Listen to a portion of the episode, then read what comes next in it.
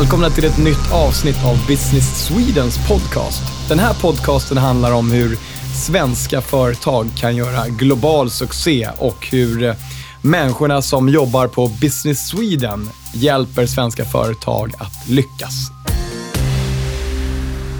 Idag har jag den stora äran att ha med mig Business Swedens VD Ylva Berg i studion. Och bland annat så har hon nyss kommit hem ifrån ett möte med Donald Trump i USA. Men det ska vi höra mer om i ett tag. Välkommen hit till studion Ylva. Tack Kristoffer. Jag tänkte på så här, du, du jobbar ju med att hjälpa svenska företag ut i världen och jag vet även att du hjälper internationella bolag att hitta Sverige. Men du måste ha världens roligaste jobb. Ja, men det har jag, Kristoffer. Jag, jag är extremt lyckligt lottad. Jag jobbar med någonting som jag brinner för och jag jobbar med någonting som det känns som att jag har förberett mig för hela mitt yrkesverksamma liv. Och hur kan en typisk arbetsdag se ut för dig? De är ganska långa till att börja med och eh, det är ganska mycket möten. Eh, jag försöker ha en ganska god mix mellan att eh, träffa många av mina anställda, Eh, gärna ungefär hälften av dagen och sen så är det ganska mycket externa möten.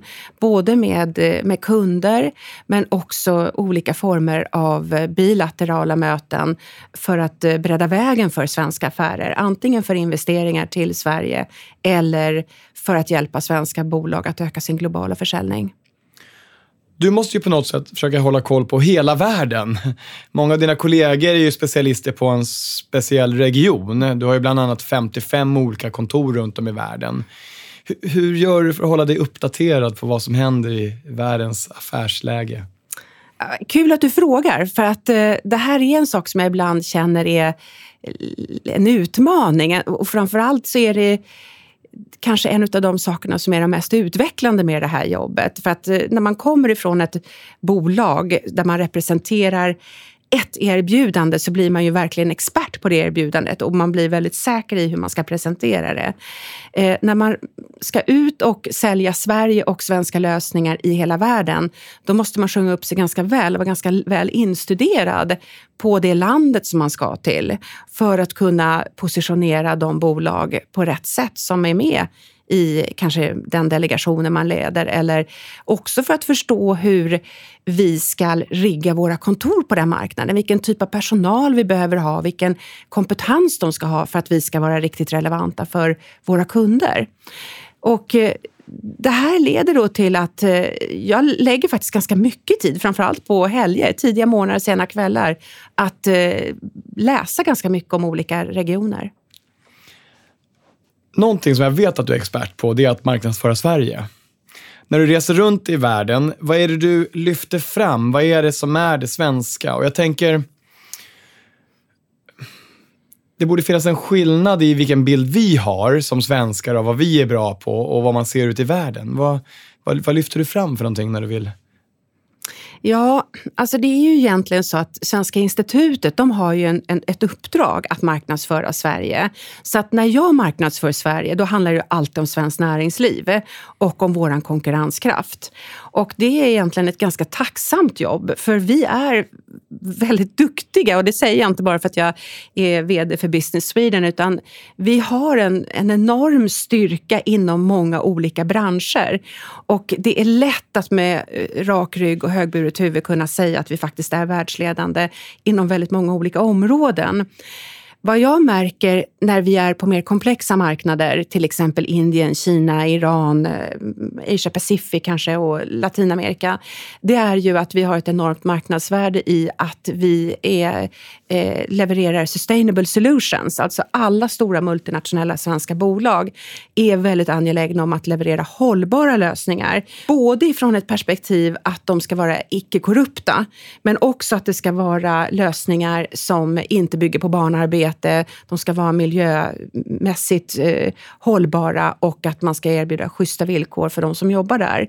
Finns det en stor skillnad i Sverige hur man ser på det? För i Sverige så ser man ju att konsumenten är väldigt upplyst och intresserad av de här frågorna och det är en växande trend. Är det likadant ute runt om, på de olika marknaderna runt om i världen?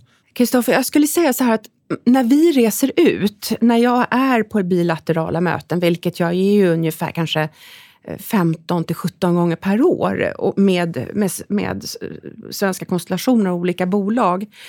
Då handlar det ju väldigt mycket om att eh, försöka liksom positionera svenska lösningar efter ett behov som den här marknaden har uttryckt att de har. Så att vi letar ju efter de här strategiskt stora affärerna och att hjälpa både små, mellanstora och stora bolag att positionera sig väl och att få en känna att de ska känna att de har en uppbackning av AB Sverige, så att säga, när de ska sälja de här lösningarna. Och då ser vi att de som sitter på andra sidan bordet, framförallt nyare demokratier, länder där man, det kostar mycket liksom att eh, både man säger monetärt men också liksom det, är en, det är en enorm kraftansträngning till exempel att bygga en ny flygplats eller nya kraftnät eller sjukhus eller vad det nu kan handla om, nya eh, transport, sportlösningar i en stad att de vill ju inte bara att det här ska vara kvalitativt schyssta lösningar utan de vill också kunna säga att de har köpt schyssta lösningar ifrån ett hållbarhetsperspektiv. Och där tror jag att svenska bolag är mycket mer konkurrenskraftiga än vad vi kanske förstår i Sverige och att vi verkligen har något att sälja. Så ditt råd till svenska företagare som ska ut internationellt är att alltid lyfta fram de här sakerna, eller? Absolut. Det är gångbart överallt, framförallt till exempel i länder som Mellanöstern, eh, men också länder som Indonesien, Indien. Alla vill eh, kunna säga att man handlar schysst, eh, faktiskt. Är det några svenska egenskaper eller vanor eller någonting i våran kultur som inte passar in så bra på vissa ställen runt om i världen? Ja, det skulle jag absolut säga. Eh, jag har ju bott eh, i tio år i Danmark och eh, känner till den danska affärskulturen ganska väl. Och man är väldigt duktiga affärsmän. Man är duktiga eh, säljare helt enkelt. Och jag skulle nog säga att svenskar i gemen är inte världsmästare på att kränga saker. Utan när vi bygger affärsrelationer, och det är också tycker jag en styrka, då är det mer en ingenjörsmässig försäljning som vi bedriver oavsett om vi är ingenjörer eller inte. Och vad jag menar med det är att vi alltid, skulle jag vilja säga, i princip undantagslöst är svenska bolag ute efter att bygga en långsiktig relation och att man tänker att man vill att eh, den andra parten ska uppleva att de har fått kvalitet och eh, value for money. Och att över en produktlivscykel så har man ett väldigt starkt erbjudande. Vi kanske inte är de billigaste, men tittar man på kostnad över tid så är vi absolut alltid konkurrenskraftiga skulle jag vilja hävda. Och eh, det är både en fördel och en nackdel när man ska sälja. För att ibland så skulle det behövas lite mera jäklar anamma och att man faktiskt visar att man passionerat vill ha den här affären. För det sitter en sån person på andra sidan bordet. Och då skulle kanske jag vilja att svenskar visar lite mer liksom eh, glöd i att man faktiskt vill, vill closa den här dealen. Och, och känns det som att man ibland går in lite för mycket på en skridsko, för att prata hockeyspråk, och, och, och lite grann underskattar det personliga mötet och det här engagemanget? Eller hur, för att det är många gånger tror jag vi kan tror att vi kan vara lite kaxiga när vi kommer in och säger vi har svensk kvalitet och det här är lönsamt i längden. Och så sitter en köpare där och tittar med lite mer kort, kortsiktigare perspektiv, eller vad tror du? Ja, det där är en jättebra fråga. Jag skulle nog säga så här att alla våra stora multinationella bolag, de har gjort affärer så väldigt länge utomlands och de är extremt drivna, professionella och duktiga på att liksom spela på alla strängar, så att säga. Eh, sen tror jag att när det gäller mindre och mellanstora bolag, då är man kanske in, då är man mer duktig på sin lösning än man kanske är professionell att sälja sin lösning över hela världen. Eh, men vi ser ju självklart både små och mellanstora bolag som är extremt proffsiga och kanske är väldigt duktiga att vända sig mot en viss världsdel och uppsjungna på den typen av relation. Men och, och, som verkligen förstår vikten av att ha en personlig relation. Men jag skulle nog våga drista mig att säga att det kanske är så att just de stora multinationella bolagen och vissa av de mellanstora är riktigt duktiga på att förstå det och det är en del av eh, hemligheten i receptet för att lyckas utomlands. Att just förstå betydelsen av långsiktiga eh, connections och att man liksom utvecklar dem och att man bryr sig om hur hemförhållandena ser ut och att man kommer ihåg att fråga hur folk mår och verkligen bryr sig på djupet. Och att det kanske är någonting som mindre bolag kanske skulle öva lite mera på, så att säga. För det är, framförallt i vissa världsdelar så är det viktigare än vad man tror. Vi ska snart prata lite grann om den amerikanska marknaden och ditt möte med Donald Trump. Men eh, innan dess, eh, Sverige går ju, blir ju allt mer entreprenöriellt och vi ser allt mer små företag växa och bli stora. Och om man förr i tiden satsade på att gå in i Norge som andra nation så kanske man går på helt andra marknader idag på grund av de möjligheterna som uppstår med digitaliseringen och en allt globalare marknad. Hur, eh, vad ger du för råd till de mindre företagen här som trots allt har chansen idag att ge sig ut på en global marknad? Jag skulle säga att till att börja med så, så handlar det mycket om vilka kanaler man ska ut igenom. För att eh, om det är så att din lösning kan bygga på en plattform så finns det ju en möjlighet att eh, gå brett och nå många marknader på en gång på ett annat sätt än vad det var för kanske 10-15 år sedan. Men eh, sen är det ju fortfarande så att eh, många av våra bolag är ganska traditionella och där man kanske betar av region för region eller marknad för marknad. Så att eh, jag skulle börja med att vilja ge rådet och säga att vi möter ganska mycket internationell konkurrens här på hemmaplanen. Och det innebär att eftersom vi är en väldigt öppen ekonomi redan och det gör att man kanske inte behöver ha riktigt så mycket respekt för att gå internationellt med sina lösningar som man kanske har, den respekten som man kanske har idag. Utan jag tycker nog att om man bara ser till att man faktiskt gör en internationaliseringsplan och att man ser till att man faktiskt har allokerat någons tid och verkligen förstår att det här kommer att ta tid. Så att även om vi bara är sju i bolaget så kanske det är en åttonde eller den sjunde personen som måste ägna sig åt internationaliseringen även när det börjar blåsa på något annat område, produktutveckling, leverans eller på hemmamarknaden, så måste man våga fortsätta att fokusera på sin internationella satsning. Och sen nummer tre så måste man faktiskt se till att man har tillräckligt mycket kapital. För att det är dyrt att internationalisera. Det är en investering man gör. Det är inte en kostnad skulle jag säga, utan det är en investering. Och man behöver se till att man är lite klok, liksom långsiktigt eh, uthållig. Så en bra grej det är att titta vem man, i styrelsen, vem man kanske har i styrelsen som kan supporta en. Eller så kan man ta kontakt med Business Swedens eh, globala affärsutvecklare som vi har över hela landet som helt avgiftsfritt kan hjälpa en att förbereda den här typen av internationalisering. Så att, eh, jag är ledsen, Kristoffer, att jag inte liksom sa att alla kan gå ut och liksom vinna hela världen. Utan jag tror att det beror väldigt mycket på vilken typ av erbjudande man har. Om det är ett som man kan nå världen via en, en plattform så är det lösningen. Eh, sen, sen ska vi ju också komma ihåg att det finns ju otroligt mycket duktiga unga människor som har lösningar som är globala eller där man kanske borde gå mot Asia Pacific med en gång. Och även där så tror jag att eh, ja, men lyssna med oss. Liksom. Vi, vi har ju faktiskt över 50 kontor. Vi har, vi har 15 kontor bara i Asien och 100, mer än 150 pers på plats. Jag, jag tänkte ju tvärtom egentligen när, när du pratade med mig. Jag tänkte så här, i de, att det är för få bolag som tittar på internationaliseringen egentligen. Eh, att, eh, det, att man nöjer sig med hemmamarknaden utan att titta på möjligheterna. Eh.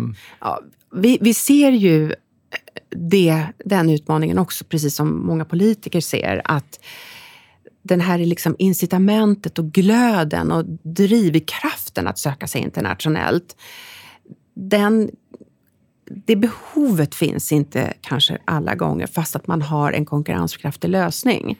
Och det är klart att ibland när man träffar på de här små guldbolagen bara, så man ser att de här är helt fantastiska, men att de kanske inte har den här lusten, då kan man känna att det är tråkigt att de inte upplever det som någonting som skulle kunna berika inte bara deras affär, men också faktiskt dem personligen.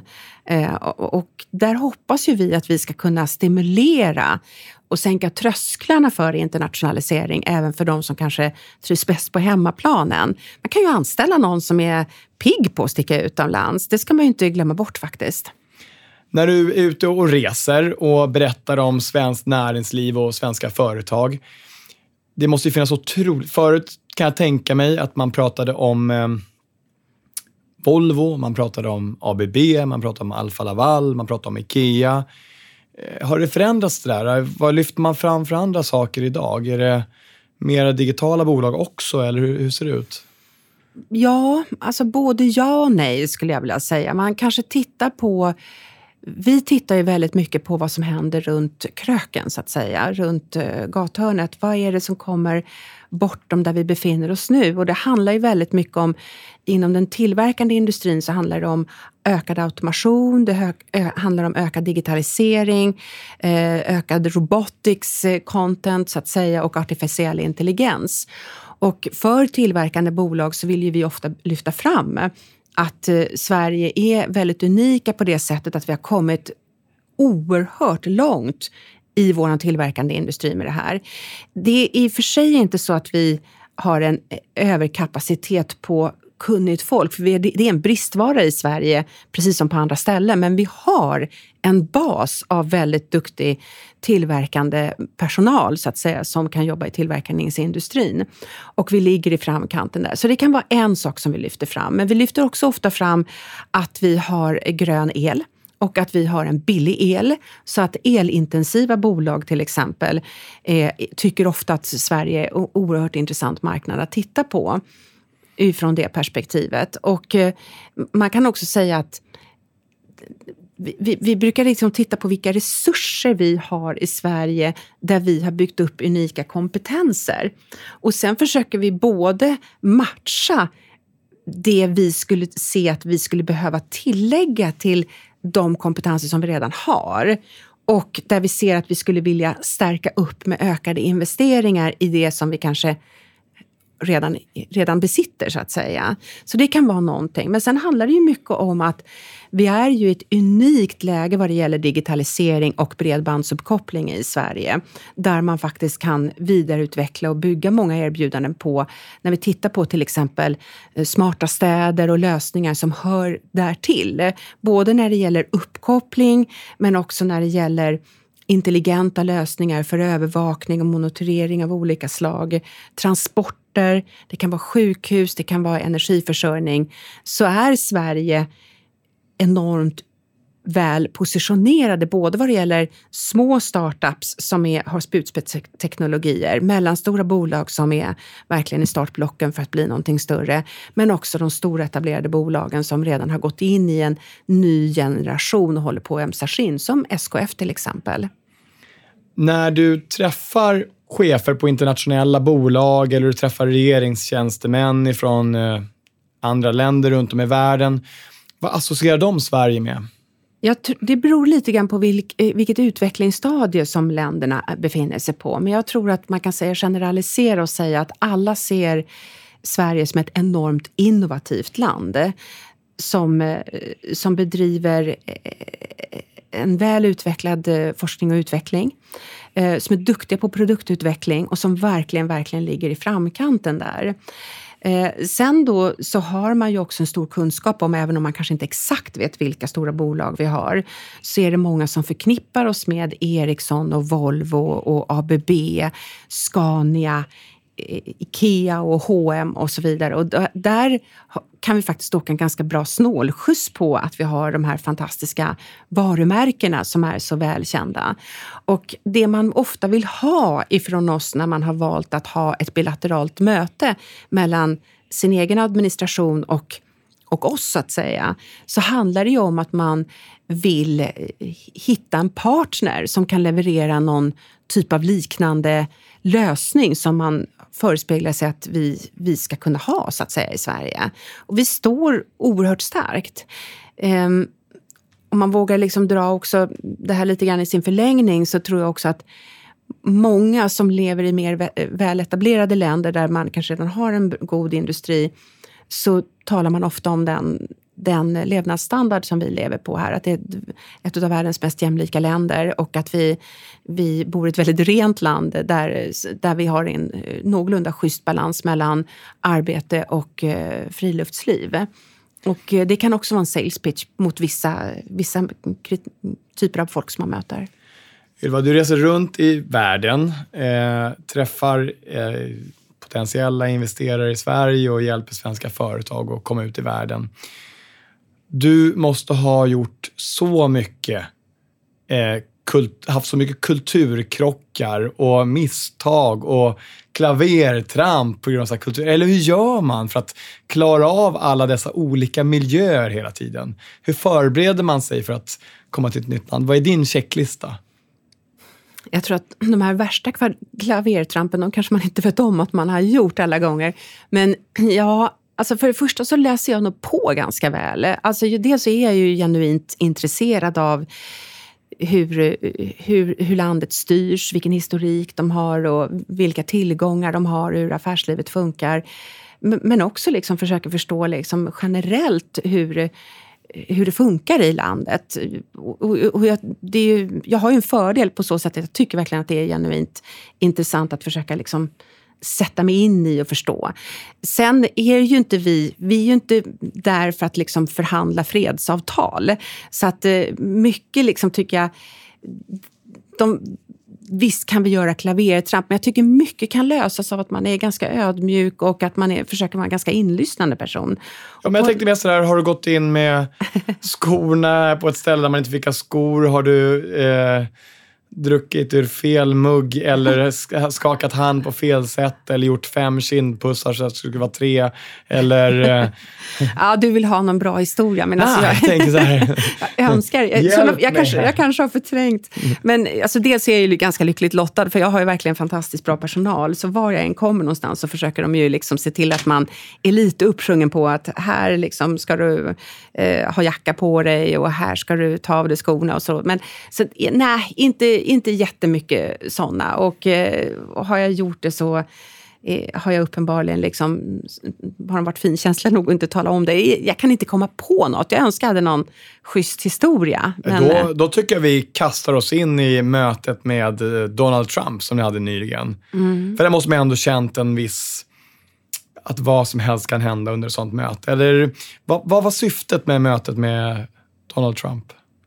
Ja, nu var det ju så att det var ju Stefan Löfven som åkte dit och han hade väl officiellt två stycken eh, syften med sin resa. Och det ena var ett säkerhetspolitiskt och det andra var ett handelspolitiskt. Och eh, i det här fallet så var det en ganska ovanlig resa så tillvida att i normala fall är det ju Business Sweden som gör de här delegationerna för näringslivet när de åker utomlands. Och det är vi som preppar allting. Och i det här fallet så var jag bara med som en av deltagarna. Vi var inte involverade i att förbereda. Och eh, det var nog kanske ett, eh, lite grann ett tecken på att eh, det här var en ganska komplex resa att få på plats med den sittande administrationen. Så ni åker till Washington, ska gå in i Vita huset och ha möte med presidenten. Hur, berätta om, hur, hur funkar det? Ja, jag som inte har varit där. Ja, det är säkert många som har läst om det här i tidningen. Och, så vi hade ju då en näringslivsdelegation som var ganska liten. Eh, vi hade tre stycken bilaterala möten. Eh, och eh, eh det sista och det tredje då var med, med president Trump och ett antal personer då som var med honom i det här mötet. Och eh, de som satt vid bordet, det var då Kuhn, eh, som inte är med längre och det var Tillerson, som inte heller faktiskt är med längre. Och sen så var det McMaster. Och sen så var det Ross, Wilbur Ross, som är deras motsvarande handelsminister.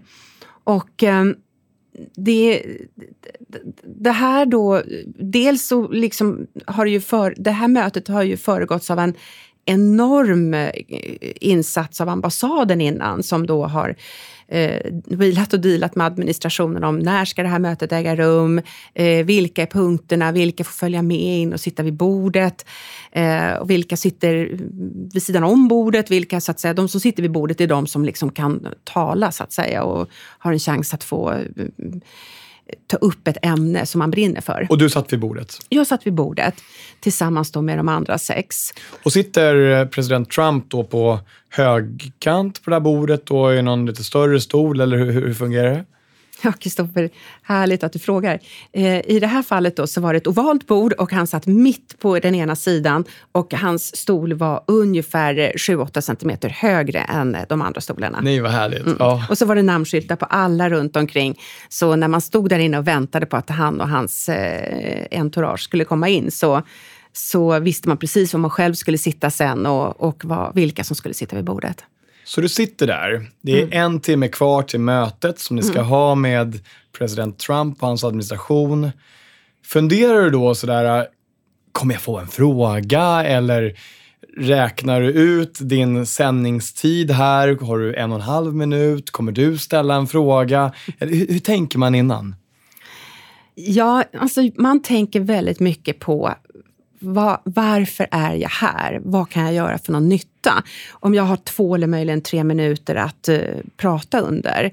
För det är ju liksom, scenariot är att man kanske inte har mer än två eller möjligen tre minuter. Vad är det då jag bör ha förberett mig på att säga? Och det, det vill man ju inte lämna åt slumpen, utan det tänker man ju igenom oerhört väl. Och sen så är jag ju då en sån här person som gillar att förbereda mig ordentligt för att kunna improvisera. För du vet ju inte riktigt hur ett möte av den här typen eh, utspelar sig, så att säga. Så du vill ju vara förberedd för olika eventualiteter. Då har man det, liksom det lilla scenariot, oj, det blev inte mer än 45 till 60 sekunder. Nej, det kanske blev eh, ett par, tre minuter. Eller jag fick en följdfråga och då måste man vara förberedd på vad man vill spela in då. Så det är ju liksom, man vill ha, man har en lista innan, eller jag har i varje fall en lista innan som jag vill kunna ticka av. Att jag har eh, liksom sagt för att jag representerar någon annan när jag sitter där. Jag sitter ju inte där för min egen skull.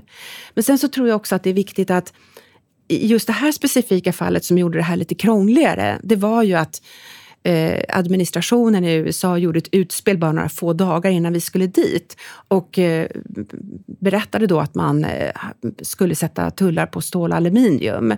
Och det gjorde ju helt plötsligt att vår närvaro där blev liksom mer satt på sin spets. Och då handlar det ju inte bara om vilken roll man tar i förhållande till de bol svenska bolag som man vill representera och föra deras talan. Utan det handlar ju också om att man vill också skicka in ett budskap om hur man ställer sig i de här oerhört mycket mer komplexa frågorna som handlar om ökade handelshinder. Så där sitter du och så går ni in i rummet där ni ska träffa president Trump och hans administration. Hur fungerar det då? Går ni in först eller kommer han in sist? Eller Va, vad hände? Allting är ju otroligt väl uträknat. Så man, man får reda på vad man ska ha med sig passen och eh, man är ju föranmäld. Man har gått igenom en security clearance. Man blir lotsad en lång väg för att komma in genom The West Wing som man har sett på tv innan. Och så upptäcker man att oj, West Wing är inte alls så stort som man trodde utan det är lite mer som en stort sommarhus. lite grann den känslan. Vackert men eh, mycket mindre än vad man tror i volymmässigt. Och eh, så är man där på väldigt god tid för att inte komma för sent. Eh, och det är liksom också uttänkt då. Och så blir man insläppt i det här konferensrummet. Och eh, där står man och väntar lite och så kommer personal och säger att eh, varsågoda, ni får gärna ta kaffe här om ni vill. Och det fanns kakor och lite sånt. Och eh, så tittar man sig runt lite grann i det här konferensrummet och tittar på tavlor och sånt. Och bland annat så satt det en tavla med ett eh, fredsnobelpris.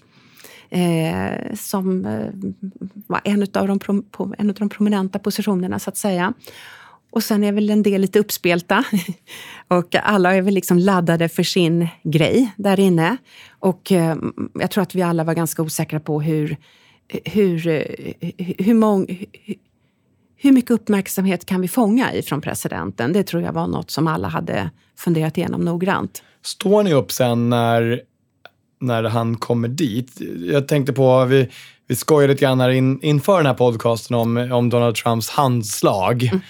Står ni där allihopa och han kommer hälsa på er innan ni går in och sätter er eller sitter ni redan när han kommer in? Eller hur funkar det? Nej, vi satt inte utan vi stod. Vi hade nog stått där och väntat kanske en, jag vet jag kommer inte ihåg, sju, åtta minuter eller något sånt där. Och så kommer han helt plötsligt in genom en helt annan dörr än vad vi hade förväntat oss. Så att, eh, eh, och lite grann instormande så att säga. De hade precis haft ett möte då. Så det är Trump som kommer med, mina, med sina kollegor och sen kommer Stefan Löfven och, eh, och Damberg och statssekreterare Stenström bland andra och ambassadör Karin Olofsdotter. Så kommer de in i rummet och så råkade jag stå precis närmast den dörren då så att jag börjar att hälsa.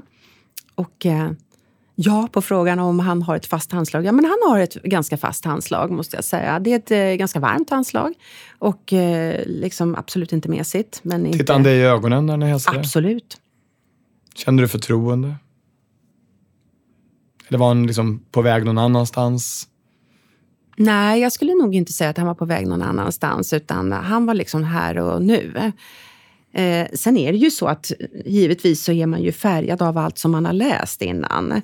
Eh, och jag tror att eh, många med mig känner ju liksom en stor oro för att det är så mycket som görs på ett väldigt annorlunda sätt. Och eh, jag tror att jag är nog ganska typisk svensk på det sättet att jag gillar folk som är liksom, som kan sitt område och som liksom är väl förberedda och, och som eh, har en, en, en värderingsgrund som stämmer överens med min egen. Så att jag tror vi var många som undrade liksom, och vad ska hända i det här mötet. Men, eh, men han gick runt och hälsade på precis alla. Och eh, sen slog vi oss ner och han hälsade alla välkomna. Och eh, sen hade väl vi lite grann funderat ut lite vem, vilken tågordning vi skulle ha om vi drabbades av ont om tid. Så att vi hann ta de viktigaste affärerna och de vis, viktigaste casen först så att säga. Men eh, president Trump han kastade sig faktiskt över oss i ordning så att säga. Och eh, där tror jag nog att vi var flera som kände att han var nog mer intresserad än vad vi, och på, än vad vi kanske hade befarat så att säga. Oavsett vad man tycker, men blir man inte lite starstruck när man sitter där?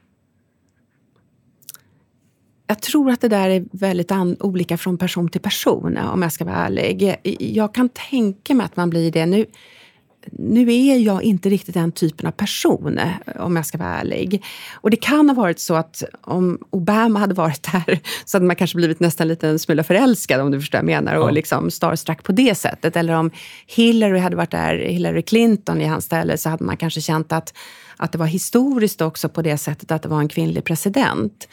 Men, men jag är nog inte så väldigt hemfallen åt att bli starstruck av, av någon egentligen. Utan man, man försöker liksom ta in liksom hur, man, hur personen verkar vara för att man ska förstå hur man ska nå fram till, till personen. Så när så ni det... satt där i mötet och dammade av era frågeställningar en efter en. Svarade han på några frågor under mötet eller var det mest att ni fick lägga fram ert case och sen så fick han lyssna? Eller fanns det någon typ av dialog under det här mötet? Jag skulle nog säga att det var mer av det senare. Att äh, han var ganska frågvis om vissa saker. Han var otroligt nyfiken på mm, till exempel Saab. Eh, och eh, mm, frågade mycket frågor där. Han var väldigt nyfiken på eh, 5G och eh, ganska insatt. Men också väldigt mycket så att eh, när han ställde frågor och fick svar eh, och han, det var någonting som han ville liksom poängtera så bad han hela tiden någon att skriva ner det. Och kanske på ett annat sätt än eh, lite, lite högre tempo kanske än i vanliga bilaterala eh, diskussioner. Där man ofta kanske mer går på djupet på olika affärer. Nu var vi ju sex vid bordet och kanske i normala fall så kanske man lyfter upp två eller tre affärer. Men nu kom alla, förlåt vi var sju, eh, och nu kom alla sju så att säga till tals. Och det han tyckte var viktigt på hans agenda, det var han väldigt noggrann med att hans eh, kollegor skulle liksom följa upp på efteråt. Och sen efteråt så sitter ni där och så sitter ni och pustar ut någonstans efter det här mötet. Eh, då känner man sig antingen nöjd eller nej, varför gjorde jag det där? Eller mm. hur var delegationen? För jag kan tänka mig att det mm. finns olika upplevelser av, jag fick inte igenom det, jag fick inte det sagt, eller jag fick det där sagt, eller wow, eller... Du som kände av stämningen sen i gruppen. Men jag tror att vi alla var faktiskt... Alltså,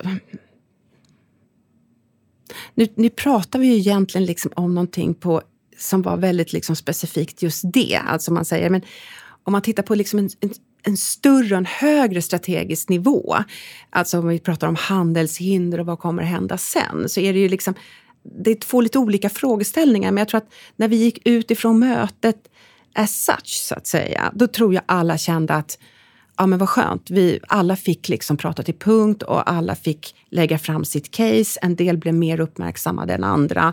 Men alla fick sagt det man hade förberett och det tror jag alla kände att det lyckades vi med. Det kan vi faktiskt sätta en checkmark i boxen på. Eh, och, och, det var viktiga saker som, som vi pratade om. Men sen är det ju givetvis så att eh, de här, den här mötet skedde liksom i i, i ett tillfälle när det är oerhört stora frågor som ligger på bordet. Och de handlar ju om frihandelns framtid och en eh, framväxande protektionism. Och, och där är vi ju alla rungande ense om att ett land som Sverige vi, vi behöver frihandel. Vi klarar inte protektionism och våra bolag kommer inte att blomstra om det blir en ökad protektionism. Så att man kan väl säga liksom eh, operationen var lyckosam. Eh, eller ja, det var en väldigt dålig liknelse. Men alltså man kan säga så här att det fanns en mycket större fråga som hovrade över alltihopa och den låg inte riktigt på vårt bord att diskutera. Och den frågan, den måste världssamfundet ta hand om. Alltså det är WTO och EU som verkligen måste se till att vi driver frågorna om, om fortsatt frihandel och att ha öppna handelsrelationer med med resten av världen, inte bara USA. Och, och, och, det är givetvis att det är en helt annan dignitet på, på den typen av frågeställningar. Så vad var din upplevelse, om vi bortser från vad som sades, vad var din upplevelse av eh, administrationen och, och Donald Trump, din, din maggruppskänsla när du träffade dem?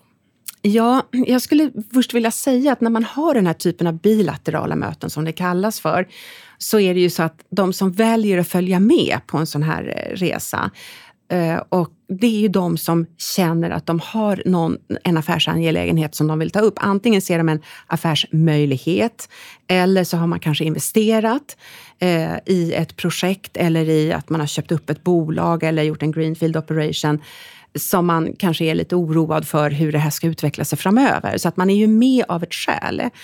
Och eh, jag då, eftersom jag inte var koncernchef eh, som de andra som satt runt bordet och hade en speciell affär, så iklädde jag mig rollen då som för de svenska bolag som har investerat och vill fortsätta investera i USA. Och vi hade då gjort en survey innan vi gick in i mötet och eh, frågat dem Eh, vad, eh, vad som krävdes för att de skulle kunna öka sin närvaro i USA. I dagsläget har Sverige ungefär 2000 bolag etablerade i USA som redan har investerat och eh, fortsätter att investera där. Och sen är det givetvis många tiotusentals som gör eh, affärer med och exporterar till USA.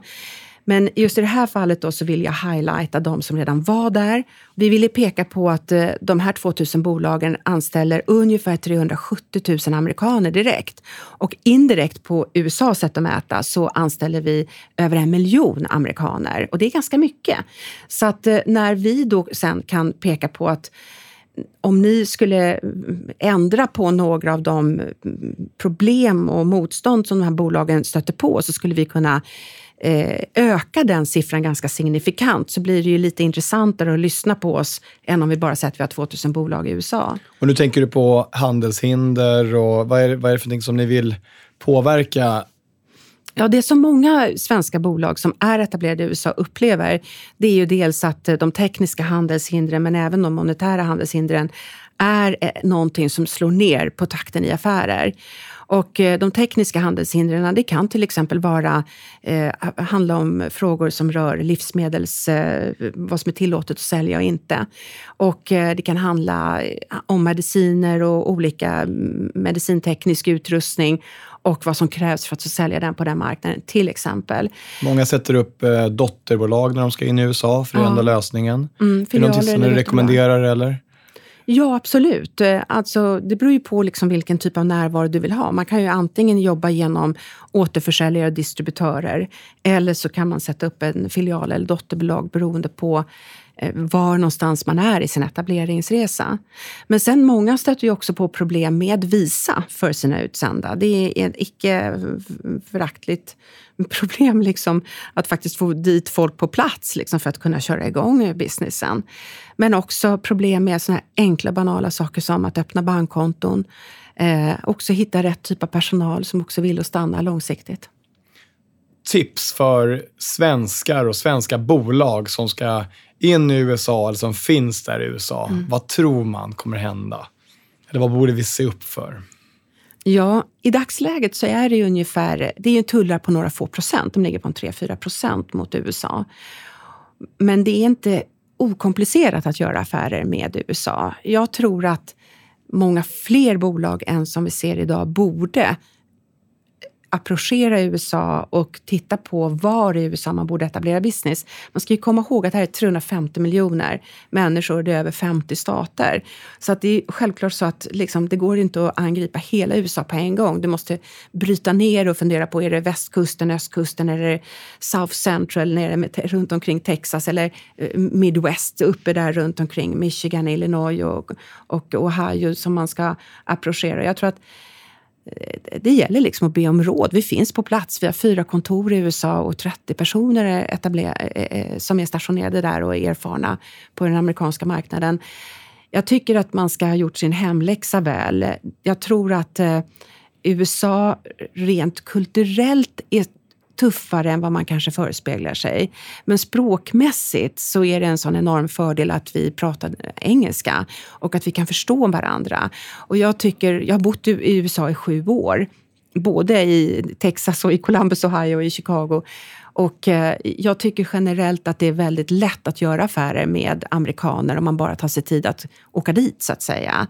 Eh, så att jag tycker fler borde testa USA. Eh, jag tycker att man ska ta hjälp för det kommer att blåsa. Men jag tror inte att det kommer bli riktigt så hopplöst som många tror.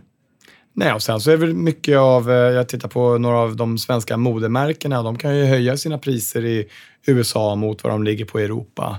Och då kanske inte tullen är av samma eh, importance, eller vad man säger. Jag vet inte Jo, nej. Det, det, jag tror att man får titta lite grann liksom, eh, att, att kategori för kategori. Ja.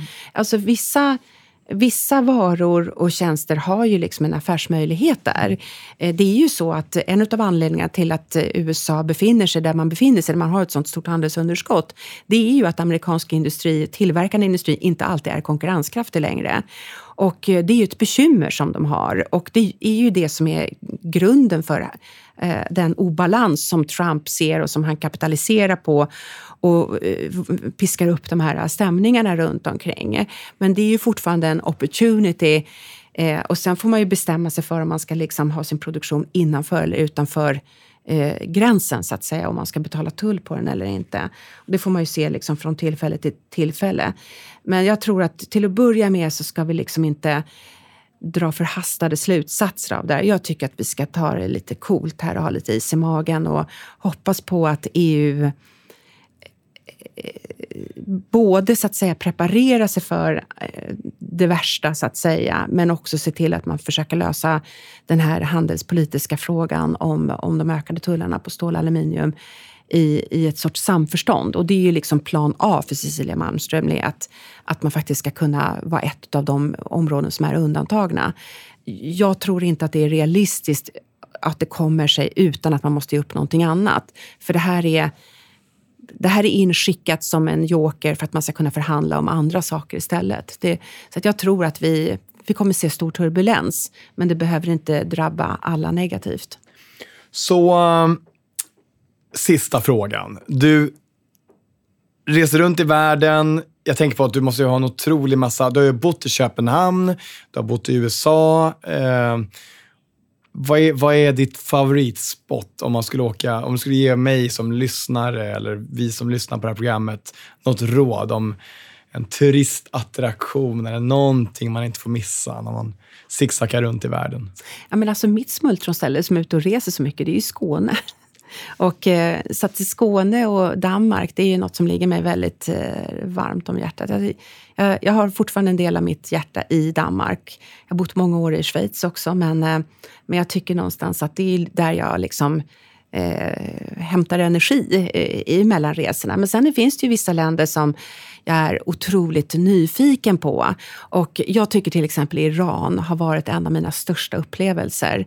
Jag tycker liksom man läser på om Persien och den historik runt omkring det här landet och man läser på i nutid om en enormt ung befolkning som är extremt välutbildad, duktiga handelsmän, duktiga ingenjörer som sitter på några av världens absolut största naturfyndigheter och som är fångade i den här eh, liksom katastrofala religiösa situationen med eh, sanktioner mot landet under lång tid. Eh, tuff eh, regim på många sätt, men som samtidigt vill försöka öppna upp. Och så sitter man i det här skruvstädet med att man inte har finansieringen klar eh, och, och lättade sanktioner runt omkring den med USA. Jag tycker att det är det är ett land som man blir nyfiken på, som man vill åka till, som man vill lära sig mer om. Då ska jag ge dig ett tips. Vi har nämligen spelat in en podcast som faktiskt handlar om Iran, så att, eh, då tycker jag du ska lyssna på den. Kan det handla om att åka skidor i Iran? Säkert. Kan det det? För att det är faktiskt någonting som jag verkligen skulle vilja testa. Bra att du också har några upplevelser kvar att längta efter. Mm. Ylva, tack så hemskt mycket för att du besökte studion idag. Tack snälla för att jag fick komma hit. Kul verkligen. Tack Kristoffer.